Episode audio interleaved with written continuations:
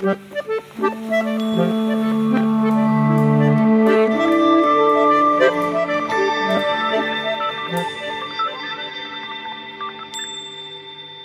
jeg ønske velkommen til podkasten Ytringsklima. Her snakker vi om hvordan folk snakker sammen på jobb. Eh, mitt navn er Øyvind Kvalnes, eh, og gjest i studio i dag er Erik Mamelund. Velkommen, Erik. Tusen takk. Erik Mamlund han er eh, tidligere managing partner for EY Norden. Og du har vært revisor og rådgiver i bortimot 40 år. Og i dag er du spesialrådgiver i Næringsdepartementet. Vi har kjent hverandre en god stund og jobbet med etikk og litt forskjellige ting. Og du har vært undervist her på BI på mitt kurs, hvor du har snakket om profesjonsetikk. Men det jeg har invitert deg til å snakke om i dag, det er jo da ytringsklima, og hva slags erfaringer du har rundt det når det gjelder å drive som revisor og, og rådgiver. Og du har jo vært revisor for noen av Norges største virksomheter. Så du har vært i, i, kampens hete noen ganger. Så jeg tenkte jeg skulle starte med å høre med hvordan har du sånn opplevd ytringsklima når det er møte mellom revisor og klient? Det er jo et uh, veldig bredt, men også veldig komplekst uh, tema, og det, og det, varierer jo ganske mye avhengig av type situasjoner man er i. Um, det er jo noen problemstillinger som man som revisor er på en måte veldig faglig, altså teknisk orientert. Eh, og det er jo en, en, ofte en grei faglig diskusjon mellom fageksperter. Eh, men eh, finansiell informasjon er også et spørsmål om, om å presentere et bredere budskap. og i mange tilfeller også ting som påvirkes av de ytre omstendighetene den økonomiske situasjonen osv. Og, så og i de situasjonene så kan det bli mye vanskeligere, eh, og det blir selvfølgelig ekstra vanskelig i de situasjonene hvor man er i økonomiske kriser, altså hvor også økonomien er i krise, bankkrisetiden på tidlig 90-tallet med bankene der som var en veldig vanskelig situasjon. Eh, vi hadde dotcom-krisen rundt 2000. Vi hadde finanskrisen i 2007-2009, og vi hadde oljeprisfallet i 2014. Og i de situasjonene så vil også selskapene bli påvirket, og det vil påvirke den finansielle situasjonen, og det vil utløses vanskelige spørsmål, f.eks. knyttet til verdsettelse av ulike typer av eiendeler.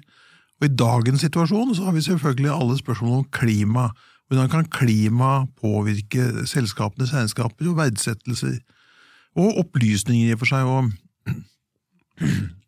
og det, det, leder jo over til vanskelige vurderinger som går utover det eh, snevre, teknisk faglige som revisor er eh, helt åpenbart en ekspert på. Eh, men her er det på en måte et eh, mangfold av problemstillinger som er avhengig av hverandre, som er mye, mye vanskeligere. Og i de situasjonene får selvfølgelig også selskapene og deres ledelse, styre, administrasjon, Eh, føler at de må forsvare selskapets interesser. Eh, og, og, og, tar posisjoner for det, eh, og kanskje også kjemper med ryggen mot veggen for å bevare selskapet, at selskapet skal overleve, så blir det jo fort en mye vanskeligere diskusjon. Så Du har opplevd disse krisene som du snakker om, og du har vært i, i styrerom og i, i møte med ledelse når man har stått i disse dramatiske situasjonene, hva skjer egentlig med ytringsklimaet da, der hvor man kanskje normalt har en, en rolig og saklig diskusjon? Hva, hva foregår når, når, det er mer som står på spill, og man kanskje befinner seg med ryggen mot veggen, som du sier? da? Mm. Nei, altså I utgangspunktet så er, er, det jo alltid noen beskrankninger på ytringsklima. Uh, og det er klart at alt som innebærer en eller annen form for endring, er, er, er en, kan reise problemer og, og redusere uh, mulighetene for et godt ytringsklima. Og når det er disse ekstraordinært vanskelige situasjonene, så vil det jo bli uh, også mer en forhandlingsposisjon enn en utveksling av faglige argumenter. Eh, og Det kan art seg i mange tilfeller. Det vil selvfølgelig ikke bare være diskusjon med én person, men det vil være mange på ulike personer, og det vil være diskusjoner i større grupper av personer. Og, eh, og det vil jo selvfølgelig være slik at man også i en forhandlingssituasjon bruker de tradisjonelle eh, triksene for å, å, vinne frem med sin argumentasjon. Eh, det kan være bevisst, og det kan være ubevisst. Altså, vi leder jo alle, både vi selv som revisor, men også selskapets ledelse, styre og administrasjon, vil jo øh, helt sikkert preges av irrasjonalitet. Man overser faktainformasjon, eller bevisst eller ubevisst overser faktainformasjon. Man har hatt øh, en søken etter informasjon som bekrefter sin hypotese, mens revisor kan ha søkt etter informasjon som bekrefter revisors hypotese. Eh, så her blir det jo bli en diskusjon om å avklare fakta, eh, og vektlegging av hvor mye fakta som er relevant. Hvilke metoder og modeller man skal bruke for å si noe om fremtiden, i den grad det er relevant for regnskapet, eller noteopplysningene. Eh, og alle disse tingene vil jo på en måte avstedkomme en, en litt mer krevende prosess, hvor man utfordrer hverandres rasjonale og utfordrer hverandres informasjonskilder osv. Det betyr f.eks. at det blir høy temperatur i rommet? da, At man tyr til andre, andre virkemidler enn eh, en de saklige, kanskje? Ja, altså du, du er inne på den der. Jeg tror nok det er en fullt ut realitet når det blir vanskelig nok. Så, så kommer de tradisjonelle forhandlingsteknikkene, og kanskje litt mer også, eh, til, til ut, spiller seg ut. Og det, ja. det, får jo det utslaget at man bruker teknikker som å uh, latterliggjøre uh, sikkert hverandre, men i hvert fall uh, også latterliggjøre revisor og revisorteam osv. Um, man vil jo prøve å, å, å ty til usakligheter, kanskje, med å, å, ja, omtale personer, eller, eh, eller, dumme ut personer, personlige egenskaper. Eh, ønske å så tvil om din autoritet ved å snakke til, ønske å be om å snakke med sjefene dine, f.eks. Um, eh, ja, så mange sånne ting. Mm. Uh, og det er vel riktig å si også at uh, når man har vært med på dette i 40 år og opplevd noen veldig vanskelige situasjoner, så, så, har man også tydd til eh, fysisk eh, utagering, altså store følelsesmessige reaksjoner. Du vil jo fort observere at, at sinne er ofte innvendige mennesker, de, men når de blir røde nok i ansiktet, så vil du nok også oppleve at de kan de yter ikke fysisk vold, men fysisk utagering. Og det er selvfølgelig en veldig stor forskjell på det, men det typiske er mennesker som slår i bordet, eh, sparker til en stol, eh, forlater rommet, eh, smeller i døra. Og den type skjer jo også i den type diskusjoner. Nettopp. Mm. Så du har opplevd hva skal vi si, aggressivitet i, i beslutninger rundt dette, sånn i krisene?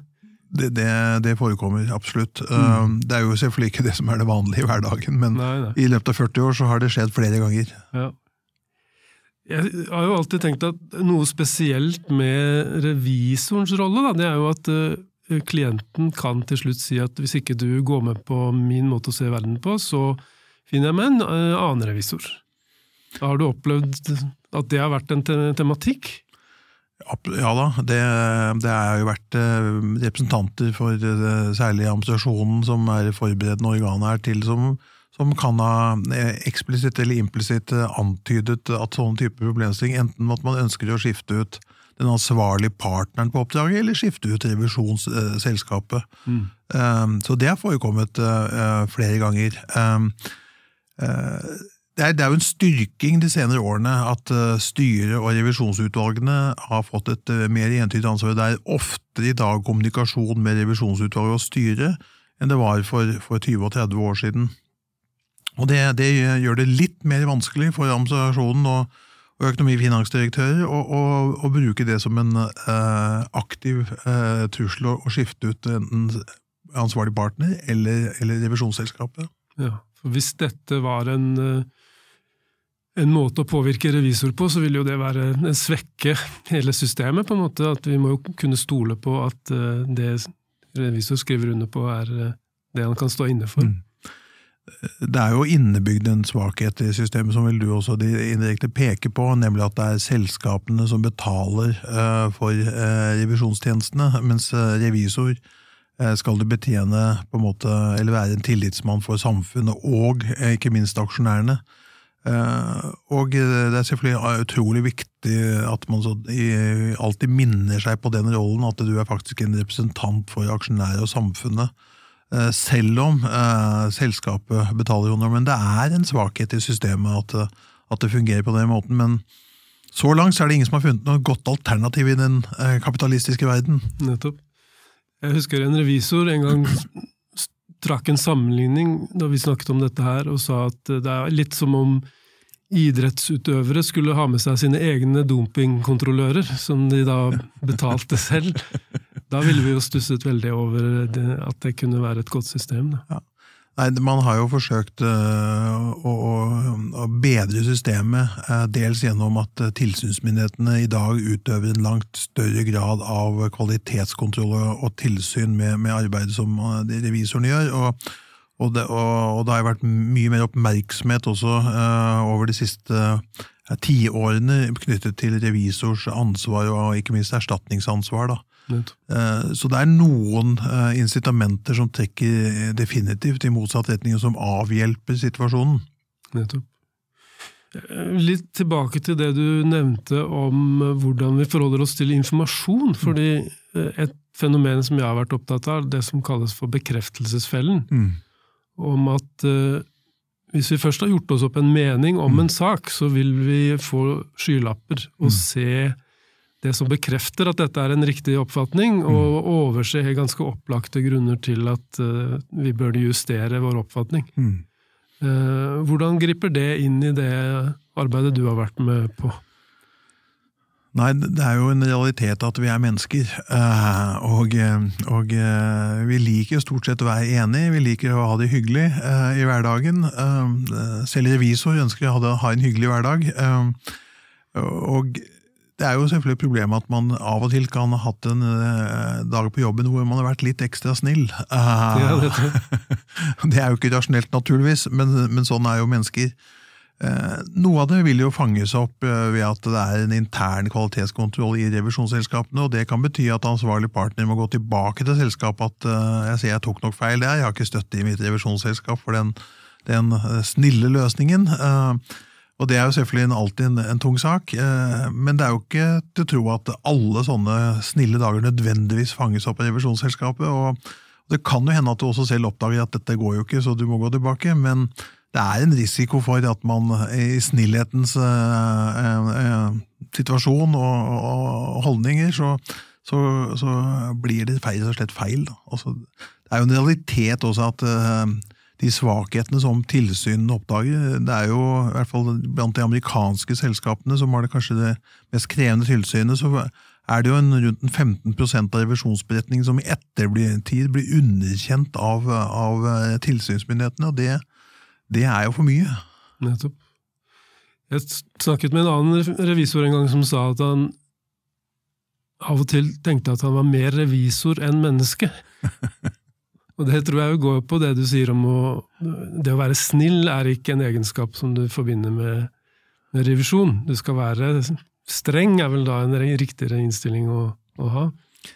Jeg syns jo det er litt interessant at det, som et av de få yrkene så har revisoren en egen krav til etisk etterutdanning. Eh, det, det, man skulle tro at det var også noen andre viktige yrker i Norge som har det. Det kan hende og det er noen som har det også, men det er interessant at eh, det er et, et pliktig etterutdanning. da. Eh, men det er selvfølgelig på sin plass. altså Det er klart at Når man representerer andre grupper, og man er i den vanskelige eh, situasjonen hvor man får betalt av en og skal representere andre, så, så, er det naturlig at man har et veldig stort fokus på etikk. og Vi har jo tidligere snakket om profesjonsetikk, og, og, hvordan du kan håndtere det å leve opp til det, og hvordan du kan styrke den holdningen. Eh, men det er jo, det er jo en realitet at vi, vi, vi enterlig, når vi diskuterer rasjonelle ting, uh, så, så, er det én ting, og vi må håndtere det på et nivå hvor vi er, har en tilstrekkelig autoritet overfor kunden. Eh, men vi trenger også en personlig styrke til å, til å stå mot, eh, og det gjør jo at det, ikke, det kan ikke være menneskerett å være revisor heller. Eh, det er ikke, det er ikke en hvilket som helst, men personen som skal være revisor, for du må faktisk kanskje ha litt større evne til selvstendig tenkning, kritisk tenkning, og, faktisk eh, kunne håndtere uenighet eh, med en motpart eh, uten at, uten at du da tyr til løsningen å være snill, da. Nettopp. Men det fins jo en slags fordom om at revisor er en, en, litt stille og forsiktig person, og kanskje konfliktsky. Mm. Men det du beskriver, er jo en del strid. Mm. Du skal gå i striden, og du skal stå på ditt, selv om du opplever at motparten skriker og slår hardt i bordet og truer med å ta kontakt med din sjef. Mm. Så, eh, og da, da er vi over både fra det faglige til det personlige. Da. Mm. Så det, det høres ut som det er en personlig egenskap du trenger som revisor, at du er i stand til å stå i striden. Mm. Jeg tror du, du er helt rett. Eh, Det er, det er ikke gitt at alle personer håndterer det på en, på en god måte. Det, man vet jo aldri selv heller om man har håndtert det eh, på en god nok eh, måte. Eh, men det, det, er, det er mange krav du egentlig skal ha både til det faglige innholdet, du skal ha nok autoritet på det faglige, men også på det personlighetsmessige, at du er villig til å ta de posisjonene, villig til å stå mot, og villig til å stå på dine egne ting. og Litt sånn som Sokrates, eh, er villig til å stille gjentatte spørsmål, eh, vurdere om svarene er gode nok, eh, kanskje stille et nytt Sokrates-type spørsmål, og så har man de gående, men det å ikke på en måte gi seg før på en måte svarene er fullgode, da, det tror jeg er, det er noe med det å gjøre, og i et klima som er preget av følelser. Nettopp, for det kan være så opphetet, særlig i disse krisesituasjonene som du snakker om. da. Mm. Det kan være opphetet, og da har man vanskelig for å holde seg til saken og, Mm. og være, være saklig i, i diskusjonen. Mm. Jeg tror en teknikk man eh, må ty til, det er jo av stor grad av åpenhet. eh, og Det betyr åpenhet med interne kolleger i firmaet. Eh, Gjerne også ledelsen i firmaet, som man kan ha rådføre seg med, og diskutere åpent hvordan, hvordan situasjonen er. eh, Få råd på veien, litt retning. eh, Og litt uttesting om er de resonnementene, den logikken, den informasjonen man nå har, er det, er det rimelig, eller er, er, har man vært urimelig? Eh, man blir jo selvfølgelig møtt av argumentet at dette er helt urimelig, Eh, men det er jo ikke nødvendigvis sannheten, og da kan det hende at du skal dobbeltteste deg selv med å snakke med gode kolleger. Nettopp. Eh, Du var inne på det at eh, revisorer har et krav om etterutdanning i etikk. Mm. Jeg er ikke sikker på om de fremdeles har det, om det, man gikk vekk fra det, men i hvert fall så har det vært sånn lenge. Mm. Og jeg har jo holdt noen etikkurs for revisorer, og det Mm. var én revisor som sa at han syntes det var urimelig Mm. at akkurat denne profesjonen var pekt ut, for vi, Mm. vi er jo blant landets hederligste mennesker, sa han.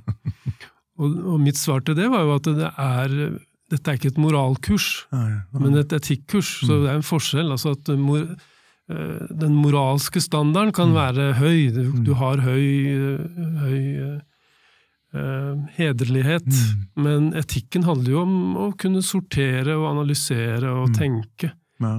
uh, rundt disse tingene. da. Ab- Absolutt. Men vi, vi så jo Vi har jo snakket mange ganger tidligere om Enron, og, og, og eh, vi kan jo diskutere om disse hjelpelinjene er en god løsning på disse vanskelige eh, problemene, men, men eh, det hadde jo kanskje vært nyttig i den situasjonen. Det var liksom følge av det man fikk til. også disse, i hvert fall Det ble utbredt mer å bruke sånn typiske hjelpelinjer. Um, Så det er jo veldig vanskelig ikke sant? når eh, man er i så vanskelige situasjoner som eksempelvis man var i Enron. Men Enron er jo ikke den er unik på noen måter, eh, men den er ikke unik på, på alle måter. Det er mange situasjoner som har likhetstrekk med det. og det er klart Noen mennesker vil ikke stå, de trenger hjelpelinjer, og det kan gjelde internt i selskapet. Eh, Det vil ikke være mulig for revisor å bruke en hjelpelinje, men det betyr at man også må bruke alle virkemidler selv for å for å mentalt jobbe med seg selv for å håndtere det. Jeg tror, for min følelse er at vi vet vel sånn noenlunde hva som er det riktige når vi kommer opp i en vanskelig situasjon. Så spørsmålet er er vi villige til å leve med konsekvensene av at vi mener at vi har rett til å stå på det. Eh, eh, Klarer vi det mentalt i en diskusjon med mennesker som utfordrer deg, eh, både mentalt og, og, og intellektuelt? Så jeg tenker at det å forberede seg rent mentalt er på en måte kanskje vel så viktig som å gjøre den etiske analysen. Ja, det syns jeg er et godt poeng. Du nevnte Enron og Mm. situasjonen. Da var jo du Det var da vi ble først kjent, og da var du eh, leder for Arthur Andersen i Norge. Mm. Eh, og eh, hva, har du inntrykk av at eh, profesjonen og næringslivet har lært av den dramatiske utviklingen vi hadde da, for eh, 20 år siden? Er det, er det noen grunn til å tro at man tok, hentet lærdom ut av det, og gjør ting annerledes nå? Man har nok eh, lært veldig mye av eh, Enron-saken. Man har eh, fått eh, en annen type rolleinndeling i selskapene. Man har helt sikkert fått en annen, eh, annen aktivitet fra tilsynsmyndighetene. Man får et annet hvordan man, man også følges opp internt i revisjonsselskapene. Så det er gjort mye bra på prosessendringer rundt dette her, eh, inkludert også internkontroll i selskapene. Men jeg tror egentlig at uh, man har selvfølgelig kommet et stykke videre, noen skritt, men uh, man har ikke løst problemene, for jeg tror ikke det er noen løsning på problemene. Uh, det er rett og slett Det handler om, i siste instans om menneskelig og interaksjon mellom mennesker, og hvordan vi, ja, vi har hvilket ytringsklima, og hvordan det påvirkes av situasjonen. Og når hvordan ytringsklima rent faktisk er i de aller mest vanskelige situasjonene. Det er jo det samme på det personlige plan. Når det er personlige kriser, eh, enten er selv er på en eller annen måte, eller det er med ektefelle eller ekteskap og alt videre, da er, hvis det da kommer til de vanskelige situasjonene, og dette har noen likhetstrekk med de vanskelige situasjonene, man skal være klar over at, at ledelsen også kanskje er i en situasjon hvor de eh, er redd for en skandale, redd for å miste jobben sin, eh, redd for erstatningsansvar. eh, Så det er, eh, i de, noen av de vanskeligste situasjonene så er det jo, er det jo personlige konsekvenser, eh, og da tenker jeg at eh, man må ha respekt for det, og det, det, det problemet løser du ikke gjennom rolledelinger eller, eh, eller nye prosesser, på en måte. Nettopp. Du nevnte jo det med sånne eh, varslingskanaler. Mm. Eh, og det er jo mange virksomheter som, har, som satser på det. Og jeg, jeg tenker noen ganger at det er en slags fallitterklæring overfor Mm. ytringsklima. Da. At Mm. her hos oss så kan vi ikke snakke ansikt til ansikt om Mm. de tingene her. Mm. Eh, Vi må, ty, vi må sette oss ved computeren og skrive en melding som går til en ekstern instans. Mm. Uh, Og det er jo en fare for at et sånt system misbrukes også. Mm. Eh, Jeg kan sverte en kollega og skrive hva som helst om Mm. hvem som helst, uten at jeg må stå til ansvar for det. Mm. Eh, Så, så for meg er det en, eh, en nødløsning, da. Mm. Hvis man ser at ytringsklimaet her er ikke klarer å fange det opp. Men da, da har man jo også grunn til å prøve å forsterke det, Mm. snarere enn å, å, å finne en sånn kanal. Men man skal liksom huske på at, eh, og jeg tenker, eh, mine assosiasjoner går til Kahnemans bok om Tenk fort, tenk sakte. Eh, Og der tror jeg han sier i et av kapitlene at overoptimisme og overselvtillit, det er, et, det er motoren i kapitalismen. Og næringslivsledere, toppolitikere, militære ledere har en overproporsjonal andel av optimisme og selvtillit. Og det skal møtes av en eh, revisor eh, som ikke bare har fått eh, et ansvar for å være alminnelig og passe og balansert optimist og selvtillit, men endog etter loven i Norge har et ansvar for å være det de kaller profesjonell skeptisk. altså Man introduserer at den ene parten skal være, ha en skeptisk holdning, og den andre parten er av natur overoptimist og overselvtillit. Så hvordan den der eh, prosessen og diskusjonen mellom to sånne parter som egentlig har både forskjellig natur, delvis, men også som egentlig har forskjellig beslutningstenkning, det er jo en veldig krevende situasjon å komme til en enighet eh, med de rammene. Det er jo en eksplosiv eh, kombinasjon, egentlig. Ja, visst er det det. Ja. Og det hender vel at det eksploderer også, tenker jeg. Ja, det, ja, det gjør det for av den grunn, ikke sant. Og da, kan, da er det en fare for at den Hvis det er slik at den ansvarlige parten i den situasjonen er den svake parten på det personlige plan, eh, så blir det omdannes det til en snill dag på jobben og et, eh, en feil beslutning. Nettopp. En ting som jeg kunne tenke meg å høre med deg om også, det er det eh, Jeg har vært litt opptatt av at, nye folk som kommer inn i en organisasjon. Mm. De, kan, de har kanskje kunnskap med seg som mangler i denne organisasjonen. De har med seg perspektiver, de har med seg ideer.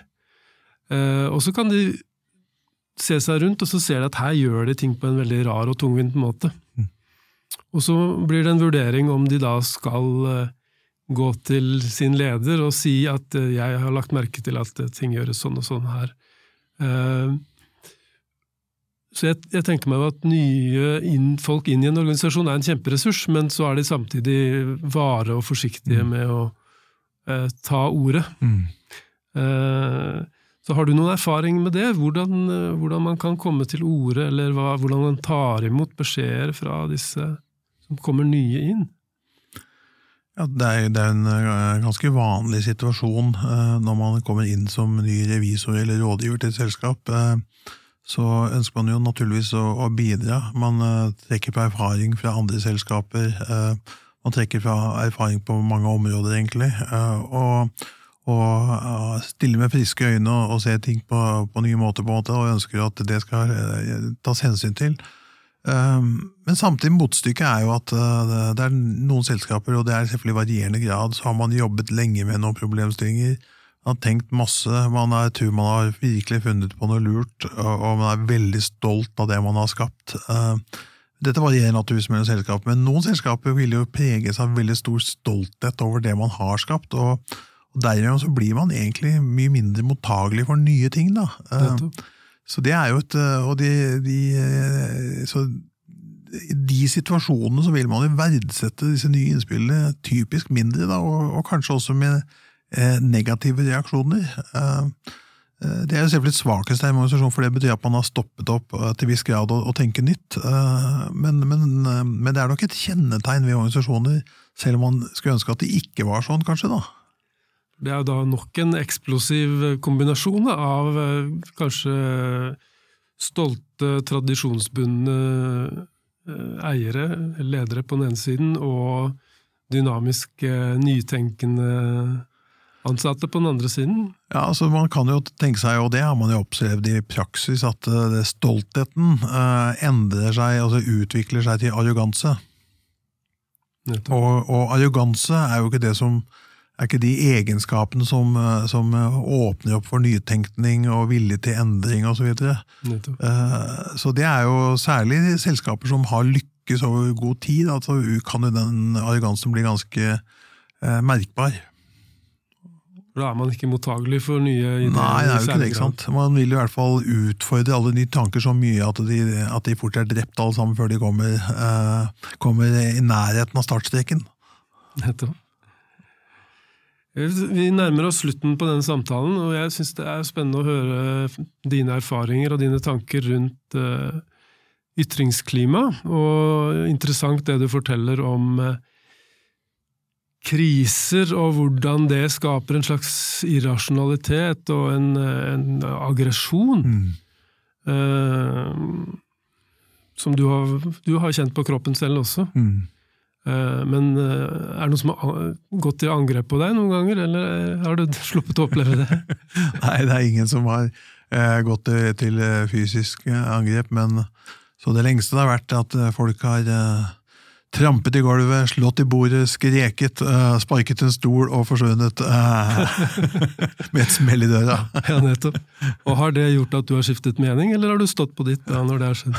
Nei, det er vel sånn at du det er jo enda mer varsom før du endrer mening når du kom til det stadiet der, vil jeg tro. Nettopp, så det virket mot sin hensikt Ja, det tror jeg nok. det, det. Ja, jeg tror det. Ja.